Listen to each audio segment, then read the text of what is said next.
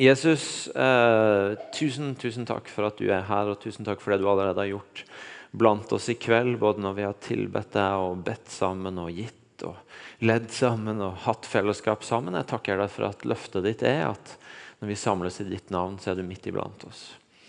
Eh, og Med det som utgangspunkt så, eh, så har jeg også bare lyst til å invitere deg til å tale til oss nå. Gjennom ordet ditt, gjennom tankene jeg deler, gjennom det vi skal få høre men også gjennom det som skal skje som respons på talen når vi, når vi fortsetter å be sammen og tilbe. At, uh, at dette blir en stund hvor du berører våre liv, våre hjerter. Uh, sånn at det får bety en forskjell uh, i dagene og ukene og åra som kommer. Ber deg Hellige Ånd om å puste liv i orda. Og, og ber deg Jesus om at dette blir en stund hvor du blir opphøyd, og vi blir oppbygd av det vi får ta imot fra deg. Amen. Jeg har prøvd alt. Jeg vet ikke om du har sagt det noen ganger, eller hørt noen si det noen ganger, eller kanskje bare tenkt det noen ganger. Men det er i hvert fall noe vi noen ganger kan, kan tenke og si i møte med noen situasjoner. Denne her følelsen av ah, jeg har prøvd alt for å få dette her til. Eh, noen ganger så, så, så, så, kan en kanskje trekke i tvil hvor sant det er. Far til en syvåring, og noen ganger når han, han har veldig sånn lav terskel på å be meg ordne ting for han. Eh, og, og, noen ganger så spør han etter ting, og så sier jeg kan du prøve å finne det sjøl. Se om det er på rommet ditt. Og, går det ikke så lange tida, så kommer han ut igjen. Jeg er lett overalt. Jeg finner det ikke. Ok, jeg skal bli med deg. Og så går vi inn på rommet, og så der, midt på gulvet, der ligger det. Så ikke så troverdig. Men så har jeg også en fireåring som, som jeg av og til skulle ønske at, at kanskje var litt som han. som som på en måte ga opp litt tidligere, for der er det ikke sant mye mer jeg skal klare sjøl. Jeg skal få dette her til sjøl. Jeg skulle ønske jeg fikk lov til å hjelpe litt mer og slippe til litt, for jeg ser hvor det bærer, og hva det kan bli gris av, og hvor mange klesskift kan bli osv. Men så er det den der Nei, jeg skal klare det sjøl. Jeg skal få det til sjøl. Som selvfølgelig også er mye, mye bra i. Eh, så er det jo sånn at eh, etter hvert som vi vokser opp og blir kanskje voksne og modnes, eh, så så blir, vi, så blir, vi, i hvert fall flinkere til å forkle den der trangen til å klare sjøl. Men jeg kan i hvert fall si for min del at i meg så, så, så, så er det noen elementer av den der fireåringen fortsatt, og jeg tror det gjelder noen andre av oss òg, som egentlig har veldig lyst til å klare det sjøl. Som har lyst til å få det til, som har lyst til å fikse ting.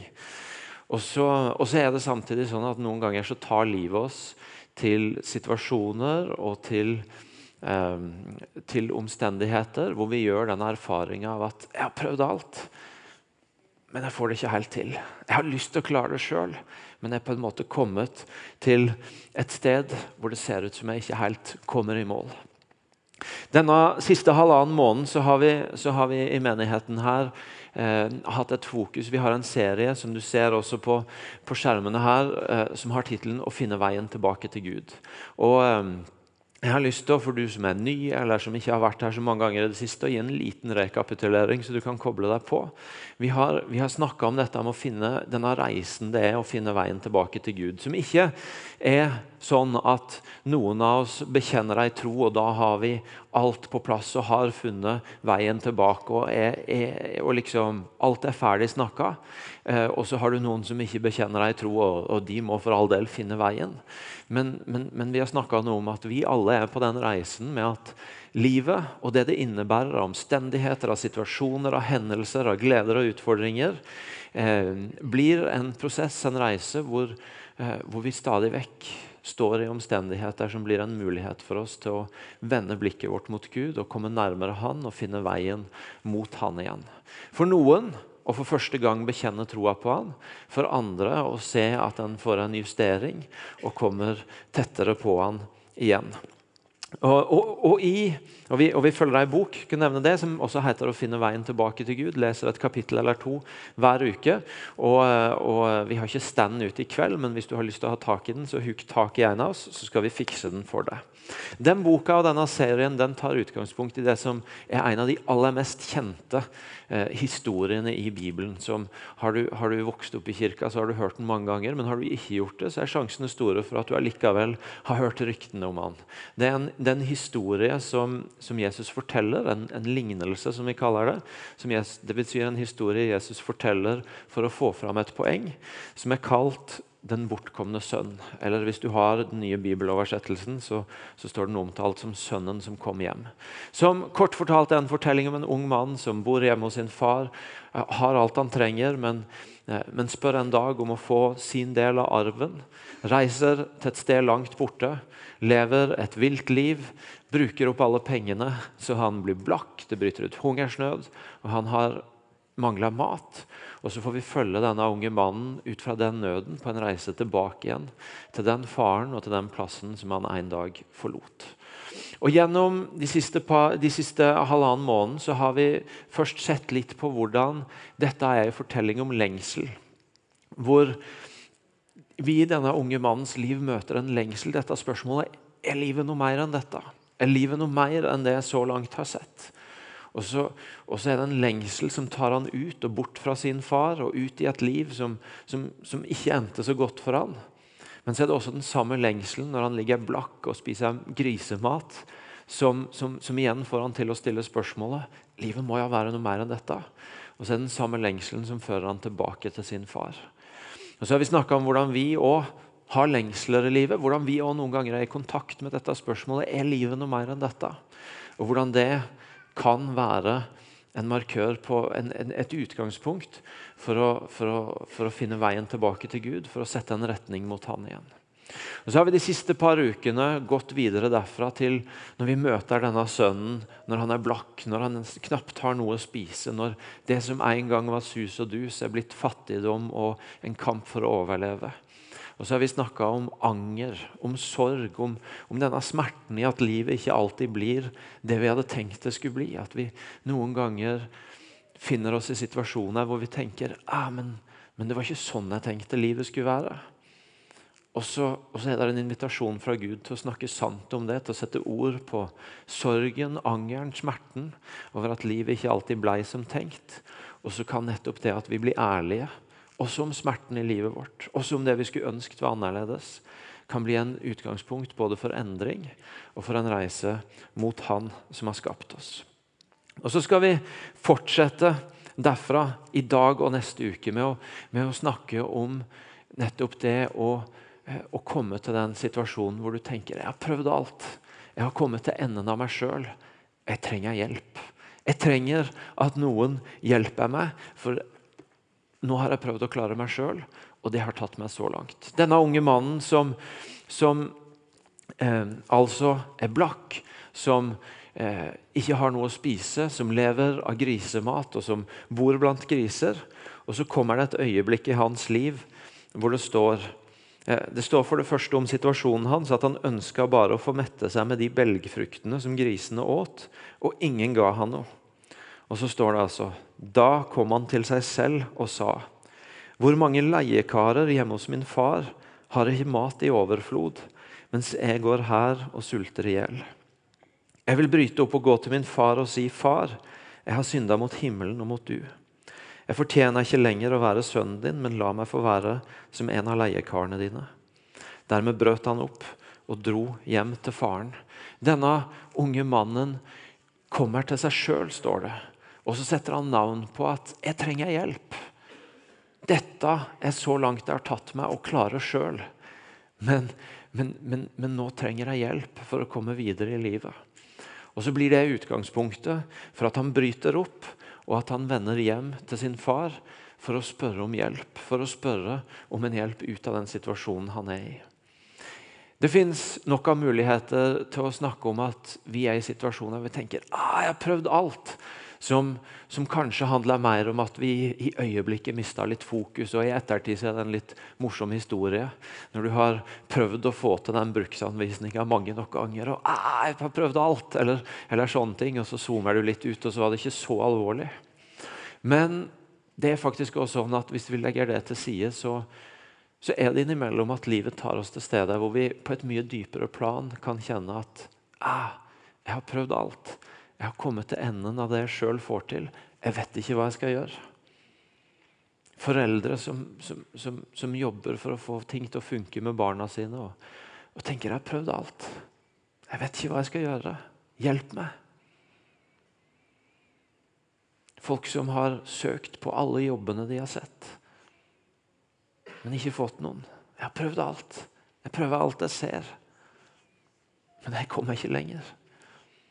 Folk som er syke og har vært syke lenge og, og har prøvd alt det medisinen har å gi, og har gjerne også prøvd alternative ting og andre ting, og, og tenker ah, jeg har prøvd alt. Men jeg kommer ikke lenger. Ekteskap, relasjoner, opplevelser av ulike ting. Jeg har prøvd, men jeg har ikke kommet lenger. Og så er denne fortellinga om, om, denne unge mannen forteller om et avgjørende punkt i hans liv. Når han kommer til seg sjøl, og så bestemmer han seg for å spørre om hjelp utafor seg sjøl. Han bestemmer seg for å ikke bare prøve sjøl, for ikke bare fortsette å fighte på egen hånd, men for å si OK, jeg bryter opp. Og så går jeg hjem til min far for å spørre om han kan gi meg hjelp, så jeg kan få et bedre utgangspunkt. At vi våger å si 'Æ, 'Jeg har prøvd alt. Dette er så langt jeg kom. Jeg trenger hjelp. Jeg trenger noe utafra som tar meg videre.' Det kan være et avgjørende vendepunkt i vårt liv. Og det kan også være utgangspunkt for bevegelsen hjem mot Gud. Um, så er det jo sånn at det som forandrer denne unge mannens liv, er ikke egentlig at han bestemmer seg for å be om hjelp. Det er ikke egentlig at han sier 'nå skal jeg bryte opp og reise hjem til far'. Men det som faktisk forandrer livet hans, det er den mottagelsen han får av sin far. Vi skal lese om det i de neste versene. Der står da han ennå var langt borte, fikk faren se han, og han fikk inderlig medfølelse med han. Han løp sønnen i møte, kasta seg om halsen på han og kyssa han. Sønnen sa, 'Far, jeg har synda mot himmelen og mot du. Jeg fortjener ikke lenger å være sønnen din.' Men faren sa til tjenerne sine, 'Skynd dere, finn fram de fineste klærne og ta de på han.' 'Gi han ring på fingeren og sko på føttene, og hent gjøkalven og slakt den.' 'Så vil vi spise og holde fest.' For denne sønnen min var død og er blitt levende. Han var kommet bort og er funnet igjen. Og så begynte festen og gleden. Det som virkelig snur opp ned på livet til denne unge mannen, er ikke først og fremst at han bryter opp, men det at han blir møtt på en måte som er utafor alt det han hadde forventa og forestilt seg. Hans håp er at hvis han ber pent, så skal han få lov til å bli leiekar. Det han opplever, er at en far ser han allerede på lang avstand. Får inderlig medfølelse med han, løper han i møte og tar han imot med fest. Eh, jeg er nok antagelig sånn over snittet interessert i politikk. Og Det betyr at det er gode tider for tida, for det er amerikansk valgkamp. Eh, eh, gode eller dårlige tider, det kan du sikkert diskutere, men det er i hvert fall mye å følge med på. la oss si det sånn. Eh, og, og eh, jeg, jeg syns det er spennende å følge med på. Så kom jeg for en tid tilbake over ei bok eh, av en kommentator jeg synes er flink, som heter Frank Rossavik. Han hadde skrevet ei bok som het 'Blant republikanere', hvor han hadde reist til USA i flere omganger for å, for å forstå seg på republikanerne. Og det tenkte jeg, det, det trenger egentlig jeg òg litt hjelp til, så den boka kjøpte jeg og tenkte å lese. Ingenting sagt om mine preferanser, men jeg eh, kunne godt tenke meg litt høyere forståelse. Eh, og, og, og den boka da, i første kapittel så, så, skildrer han hvordan han møter ei dame som, som, som, er republikaner, og som, eh, og som, på en måte skal forklare sitt, sitt, sinne og sin misnøye med den sittende president Obama, som er demokrat. Og så, og så er første setninga i første kapittel det Han booka! Han booka! Og så, og så viser det at Hun refererer til en hendelse hvor Barack Obama som fersk president en gang kom i skade for å bukke for kongen av Saudi-Arabia. Og, og, Hun er bare fullstendig indignert over at han som president i fantastiske USA, det mektigste landet i verden, som verdens mektigste mann, kunne finne på å bukke for en annen leder. Det er jo de som skal bukke for han. Ikke sant? Og så er det fristende å ta en tur inn i der og mene noe om det, men det er ikke poenget med å fortelle det nå. Men, men, men den historien som vi snakker om i dag, Utgangspunktet for den er at det er noen fariseere, de skriftlærde, de som hadde ting på stell i forhold til Gud. De har anklaga Jesus. De har spurt han, hvorfor spiser du med tollere og syndere. Hvorfor spiser du med de som egentlig ikke er verdig å sitte rundt bordet med du hvis du er en Guds mann? Og så er denne lignelsen det er ett av, et av tre svar, tre historier Jesus forteller som svar. Og hvis en skulle tenke seg at noen reiste 2000 år tilbake i tid for å forstå seg på disse fariseerne, som ofte for oss framstår som, som, ganske underlige og kommer i et litt uheldig lys, og skulle reise for å prøve å forstå de. Og, og, og denne, Dette ikke bare var en historie fra Jesus som, som, på en måte var en illustrasjon, men hvis en skulle se for seg at dette var faktisk Jesu respons, eller Guds respons i møte med et menneske som hadde kommet bort fra han, som hadde levd et liv i, eh, i, i synd, i hor, eh, i, i, masse ulikt som ikke var så bra. Og så kom jeg hjem igjen. Og så Bildet som fortelles, er at, at, at Gud sjøl løper imot han for å ta han imot. Så er det faktisk meget godt mulig at første setning i første kapittelet av den boka for å forstå de også kunne vært Han løp! Han løp!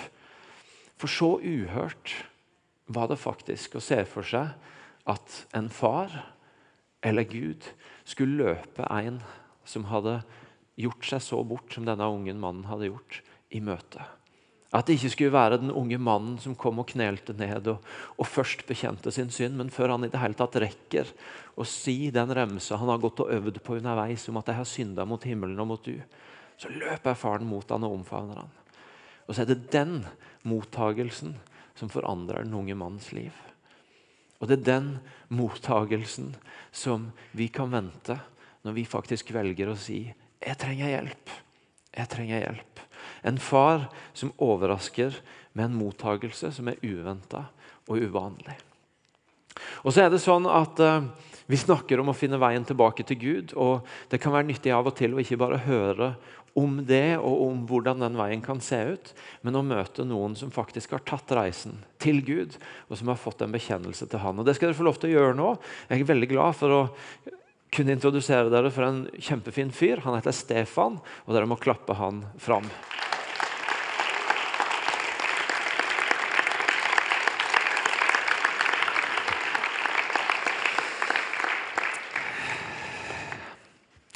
God kveld.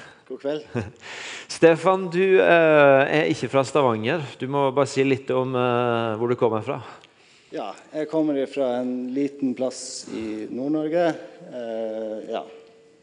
ja. Du må tillate deg å si navnet òg. Såpass patriotisk må du være. ja, det heter Sørreisa. Ja, veldig bra. En ekte nordlending. Det er kjempebra, altså. Du, eh, du har fortalt meg at eh, selv om du står her i kveld, så er det ikke sånn at du alltid har hatt et forhold til Jesus eh, og bekjent deg tro. Kan ikke du si litt om hva som er bakgrunnen din i forhold til tro? Ja. Ehm, jeg eh, vokste ikke opp i noen kristen familie. Det var ikke noe kristent miljø i, eh, der jeg kom ifra. Ikke som jeg var en del av. Og hadde ikke noe videre erfaring med kristendom annet enn julegudstjenestene på skolen og, mm. og, det man lærte på skolen. Så egentlig så var dette med tro veldig ukjent for deg? Ja. Og så har du fortalt meg at du allikevel hadde en interesse for tro. Hvordan, hvordan kom det til uttrykk? Nei, jeg ble eh, litt eldre, så syns jeg at det var, eh, kristendom var et veldig spennende tema. Det er jo veldig mange som, som er kristne, så jeg eh, syns eh, leste en del i Bibelen og, og tenkte jeg skulle uh, se om ja, hvorfor det var så mange som, uh, som ble dratt mot kristendommen. Mm. Så du hadde ikke noen bakgrunn, men du var nysgjerrig. Så du, så du for deg at du kunne komme til å komme til tro og faktisk bli kristen? Nei, det gjorde jeg ikke. Uh, det var um, Det er veldig mange fine verdier som jeg setter stor pris på i kristendommen. Eh, men de kristne vet jo at det er veldig mektig eh, mektig ting, Gud. Og, og det, og det forsto jeg òg. Mm. Eh, men jeg trodde aldri jeg kom til å skjønne eh, hva, altså hvor mektig det var. For, for um, jeg eh, ja, hadde vanskeligheter for at jeg skulle uh, tro på det. Det, det virka ikke Det sentrale virka ikke logisk for meg. Så du, du var nysgjerrig, men, men, og, og, og, du har fortalt meg at du leste Det gamle testamentet. Eh, så sa du til meg du hadde egentlig flere spørsmål etterpå. Så, eh, men, men, men, du var nysgjerrig, men, samtidig var det egentlig en, en, helt fremmed tanke at du skulle komme til å tro. Eh, og så, så, skjedde jo noe i livet ditt fordi at du, du uh, møtte noen. Ja, for uh, nesten fem år siden så møtte jeg en helt herlig person eh, som til slutt ble kona mi. da. Mm. Og eh, Ja, hun er her, så du må gi navnet på Ja, hun Lillian. Hun Lillian, ja. Mm. ja. ja. og hun uh, var kristen. Eh, og eh, jeg eh, Det var jo Jeg var jo klar på det at jeg ikke var kristen. Eh, men jeg var ikke imot kristendom. Jeg var veldig åpen for det og, og likte det. Mm. Men jeg, jeg, trodde ikke jeg kom til å bli kristen. Så, så da eh, Hun fortalte meg en historie ganske tidlig om, en, om Sola og vin som konkurrerte om å eh, kle av jakken på en mann. Eh, der vinden blåste på og prøvde å få av den jakken, men eh, mannen bare ja, låste jakken mer og mer igjen og, og stengte seg inne under jakken. Eh, ja, hvorpå Sola da brukte varmen og tid og litt avstand og sånn for å varme opp mannen, som han kneppa litt og litt opp. Og Det har du fortalt meg at det var noe av det som, som, skjedde med du fordi ikke bare møtte du Lillian, men gjennom Lillian så møtte du folk rundt henne som trodde på Jesus. Og ja. så møtte du etter hvert menigheten her. Mm. Og, og, og, Fortell litt mer. Du har gitt litt av bildet med, med sola som gradvis kommer. Men fortell litt mer om, om, om hvordan det var. Ja, eh, altså jeg eh, følte det at det var ikke noe press på meg. Jeg, eh, jeg fikk ikke inntrykk av det. Så derfor var jeg litt åpen for å Ja, jeg kan godt prøve litt, uh, fære litt på festival og bli med på gudstjeneste i IMI. Det, mm. det var ikke noe vanskelig for, meg å, mm. å, bli med på det. Mm. Så jeg um,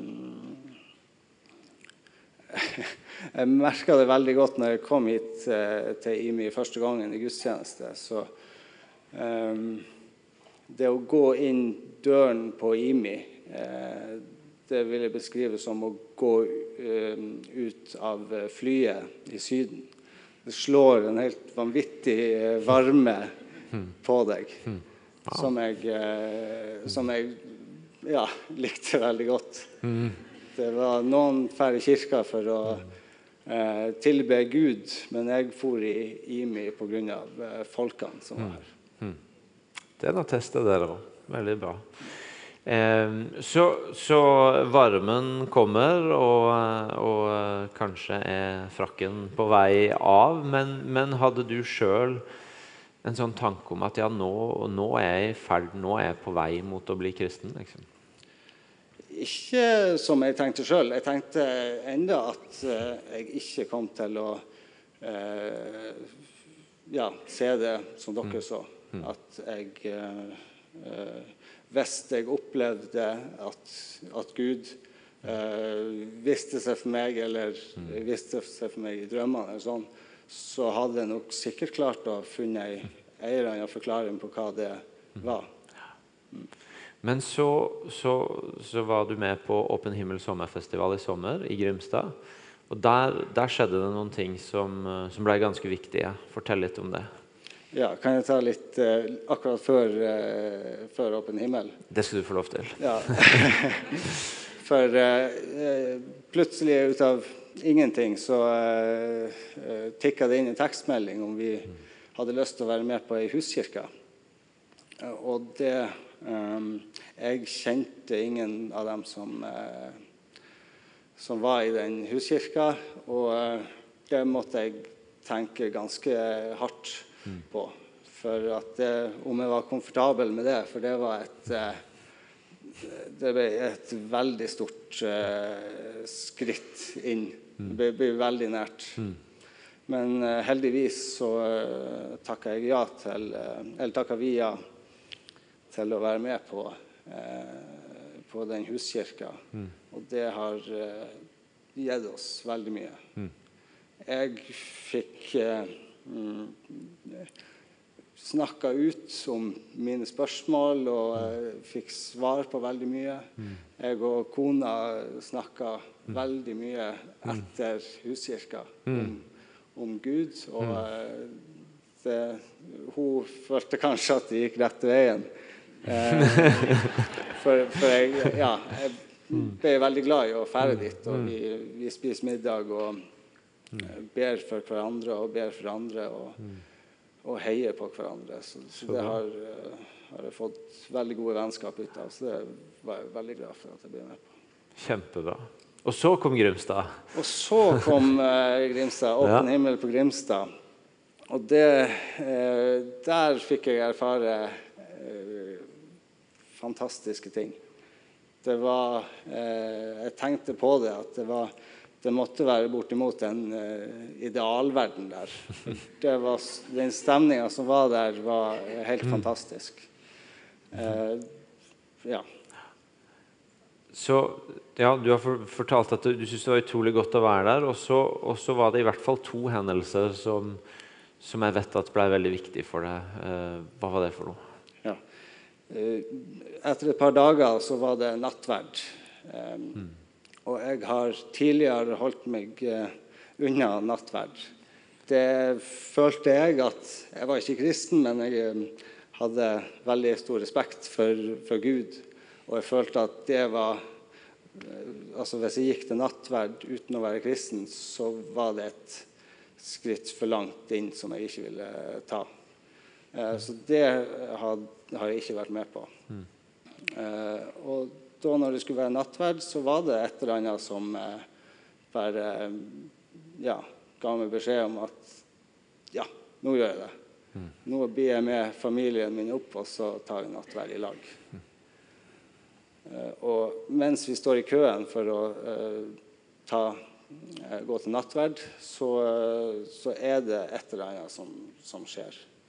Det er, får en vanvittig følelse i meg. Eh, og jeg, eh, jeg Det er som om noen kommer eh, bakfra og legger hendene på, på skuldra mi, eller jeg kapper over meg et eller annet veldig godt og, og, og fint. Og det um, Ja. Det, det, var sånn at jeg klarte ikke å å holde igjen på tvilen lenger. Det var, eh, det var ikke logisk å holde igjen på tvilen. Så der, der, gjør du en erfaring som gjør at OK, nå, ja. nå kan jeg ikke holde tilbake lenger. Og så får du en bekreftelse i tillegg. Ja, jeg Jeg går eh, eh, Ja, en av de første gudstjenestene jeg var på her i IMI da fortalte jeg tror det var du, om en, eh, et bilde på Gud der du går, eh, og Gud står bak deg. Gud er som en far for deg. Han står bak deg. Du kan ta alle veiene du vil, du kan ta alle valgene. Du kan gå rundt i ring, du kan gå overalt. Men du trenger bare å snu deg, og Gud står rett bak deg, klar til å ta imot deg. Og eh, så gikk jeg til, i, til, profetisk tjeneste der på åpen himmel. Og eh, de eh, Ja, hun, hun tegna akkurat det bildet som Wow. Så du, du, har hørt et bilde som gjorde noe med deg? Du har fortalt at det betydde mye, og så får du akkurat det samme ja. tegna ut? Ja, det var wow. det fineste bildet jeg har hørt på av ja. Gud. Wow. Mm. Wow. Så, eh, men jeg har forstått, det, Du har jo fortalt mye her om Lillian som den som liksom pensa deg inn. Men, men, jeg har forstått at det var ikke hun du løp først for å fortelle at, uh, at uh, du var blitt kristen? Nei. Eh, det, det, var mye som skjedde både i hodet og, og kropp den kvelden der. Så ja. jeg um, gikk og mingla og traff på noen som Vi gikk til forberedende ekteskapskurs hos mm. Olje og Solveig Fjernestad. Og de har jo betydd ganske mye for meg mm. i det her. så jeg møtte på dem, og jeg klarte ikke å la være, så jeg måtte jeg klarte ikke å la være, så jeg måtte bare dele det med dem. Mm. Og det jeg eh, opplevde, var jo ikke bare at for min del var det så voldsom ting å, å si det muntlig til noen. Det var veldig sterkt. Men den eh, følelsen de fikk når, altså, når, de hørte det De ble jo veldig, veldig glad på mine vegne. Mm. det, det, det var litt overraskende at det ga dem så mye. det er veldig bra ja, så, så, når vi kjørte hjem den kvelden, så mm. fortalte jeg jo eh, det til Lillian at jeg eh, jeg, eh, jeg traff på han Ole og dem, så jeg, og jeg fortalte dem at jeg var kristen. Det var, det var herlig greier å fortelle dem. Mm. Så spurte hun meg liksom Å ja, er du kristen? Men jeg fikk jo fortalt henne hva, hva jeg ja. følte, og hva ja. jeg fikk. Fantastisk. Mm. Du, det, det, det, er helt nydelig å høre på deg, Stefan. Tida går, så vi må begynne å runde av. Men jeg har lyst til å spørre deg mot slutten hvordan eh, det har vært Nå har det gått noen måneder siden du hadde den erfaringa og opplevde at du tok et valg. Mm. Du forteller jo nesten egentlig som at valget ble tatt for deg på mange måter. Men, men, men fra da av har du, har du bekjent troa. Hvordan har det vært etterpå? Ja, det Det har vært veldig godt. Mm. Det er jo eh, litt sånn Ja. Eh, tror er godt nok, eller eh, Man går jo og tenker litt eh, på det. Eh, og det jeg, for, jeg, har kjent at jeg har fått mye bønnesvar, nå som mm. jeg er oppmerksom på hva det er. Mm. Og jeg har, jeg har fått bønnesvar gjennom hele livet. Jeg har mm. bare tenkt at det er eh, tilfeldigheter og bortforklart det på en eller annen måte. Mm. Men nå, nå, når jeg ser det for det det er, så, så har jeg eh, fått en veldig fin ro over meg, og, og det er veldig godt. Mm. Fantastisk. Kjekt å høre. Tusen takk for at du deler. Takk skal du ha.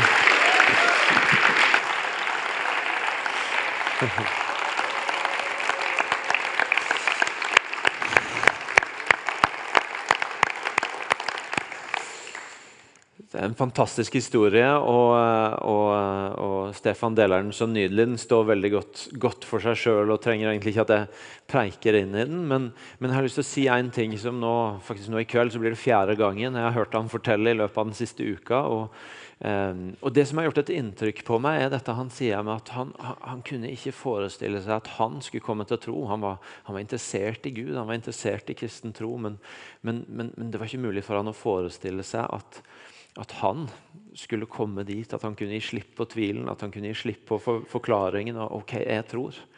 Og så opplever han at Gud overrasker han, på mange måter overrumpler han med noe som gjør at han sier å, det er ikke mulig å holde på tvilen lenger. Og Det er noe av det vi møter i dette bildet vi får av Gud far i denne fortellinga, en Gud som overrasker i måten han tar oss imot på. En Gud som overrasker med å være nærere, av å være mer nådefull, av å være kjærligere enn det vi har lett for å forestille han.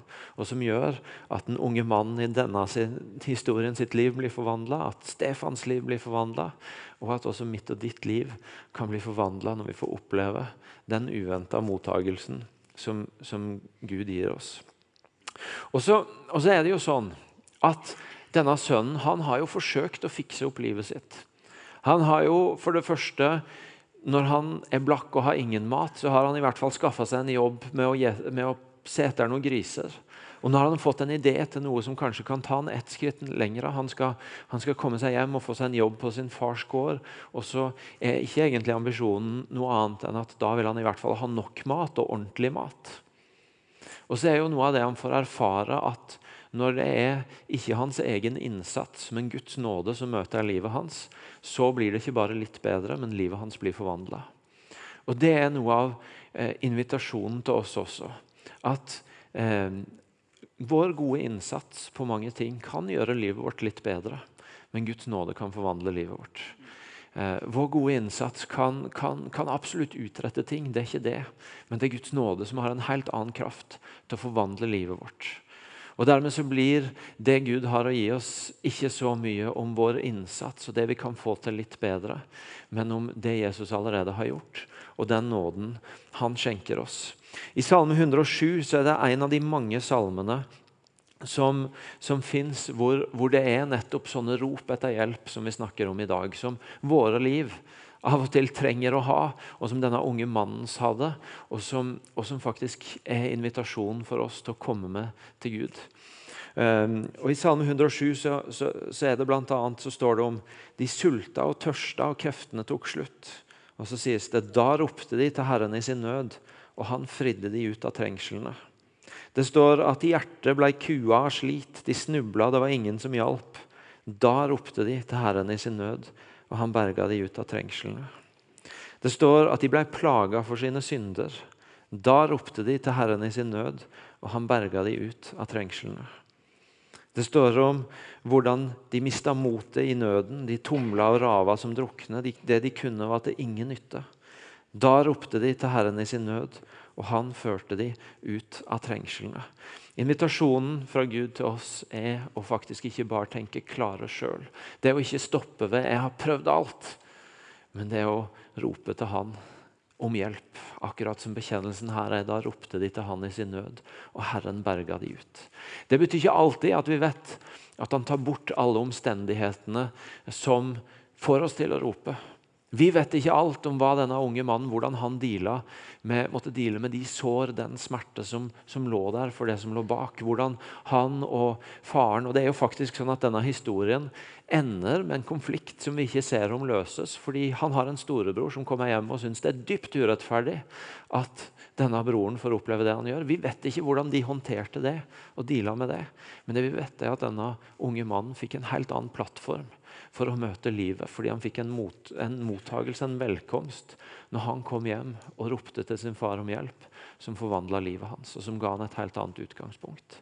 Og Det er invitasjonen til oss også, at vi kan henvende oss til Han. Og så kan det bli en del av vår reise tilbake til Gud. At vi roper til Han om hjelp, og så vil Han møte oss og overraske oss med sin mottagelse. For vår innsats kan ta oss så langt, men Hans nåde kan forvandle livet vårt skal vi reise oss og be sammen.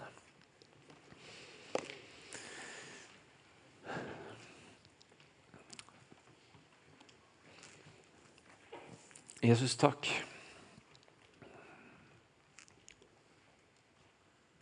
Takk for at du forteller oss en historie og gir oss et bilde som, som, som tar oss inn i at, at livet ikke bare handler om vår gode innsats om at når vi har prøvd alt og kommet til enden av oss sjøl, så er det ikke mer. Men at det er faktisk en invitasjon til å vende oss mot du og til å rope om hjelp. Takk for at vi ikke trenger å komme helt til enden av oss sjøl, til der hvor det står om livet, til der hvor vi er helt i bunnen. Men det er faktisk en invitasjon akkurat der vi er i dag, til å vende oss mot du og rope om din hjelp i de situasjoner og de utfordringer vi står i. Takk for din nåde som forvandler, og som ikke handler om det vi har gjort, men det du allerede har gjort. Og takk for at den kan møte våre liv nå i kveld på en sånn måte at den får forvandle og den får skape nye ting i oss. Jeg ber deg for oss alle her inne om at, om at vi nettopp skal ta imot invitasjonen. Og komme til du med våre rop om hjelp. Jeg ber deg spesielt for de her inne som gjenkjenner at de har kommet til enden av seg sjøl.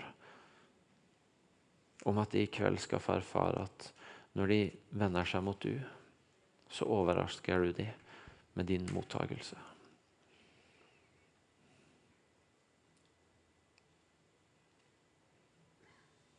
Kom, Jesus, og berør deres liv. Kom og berør våre liv.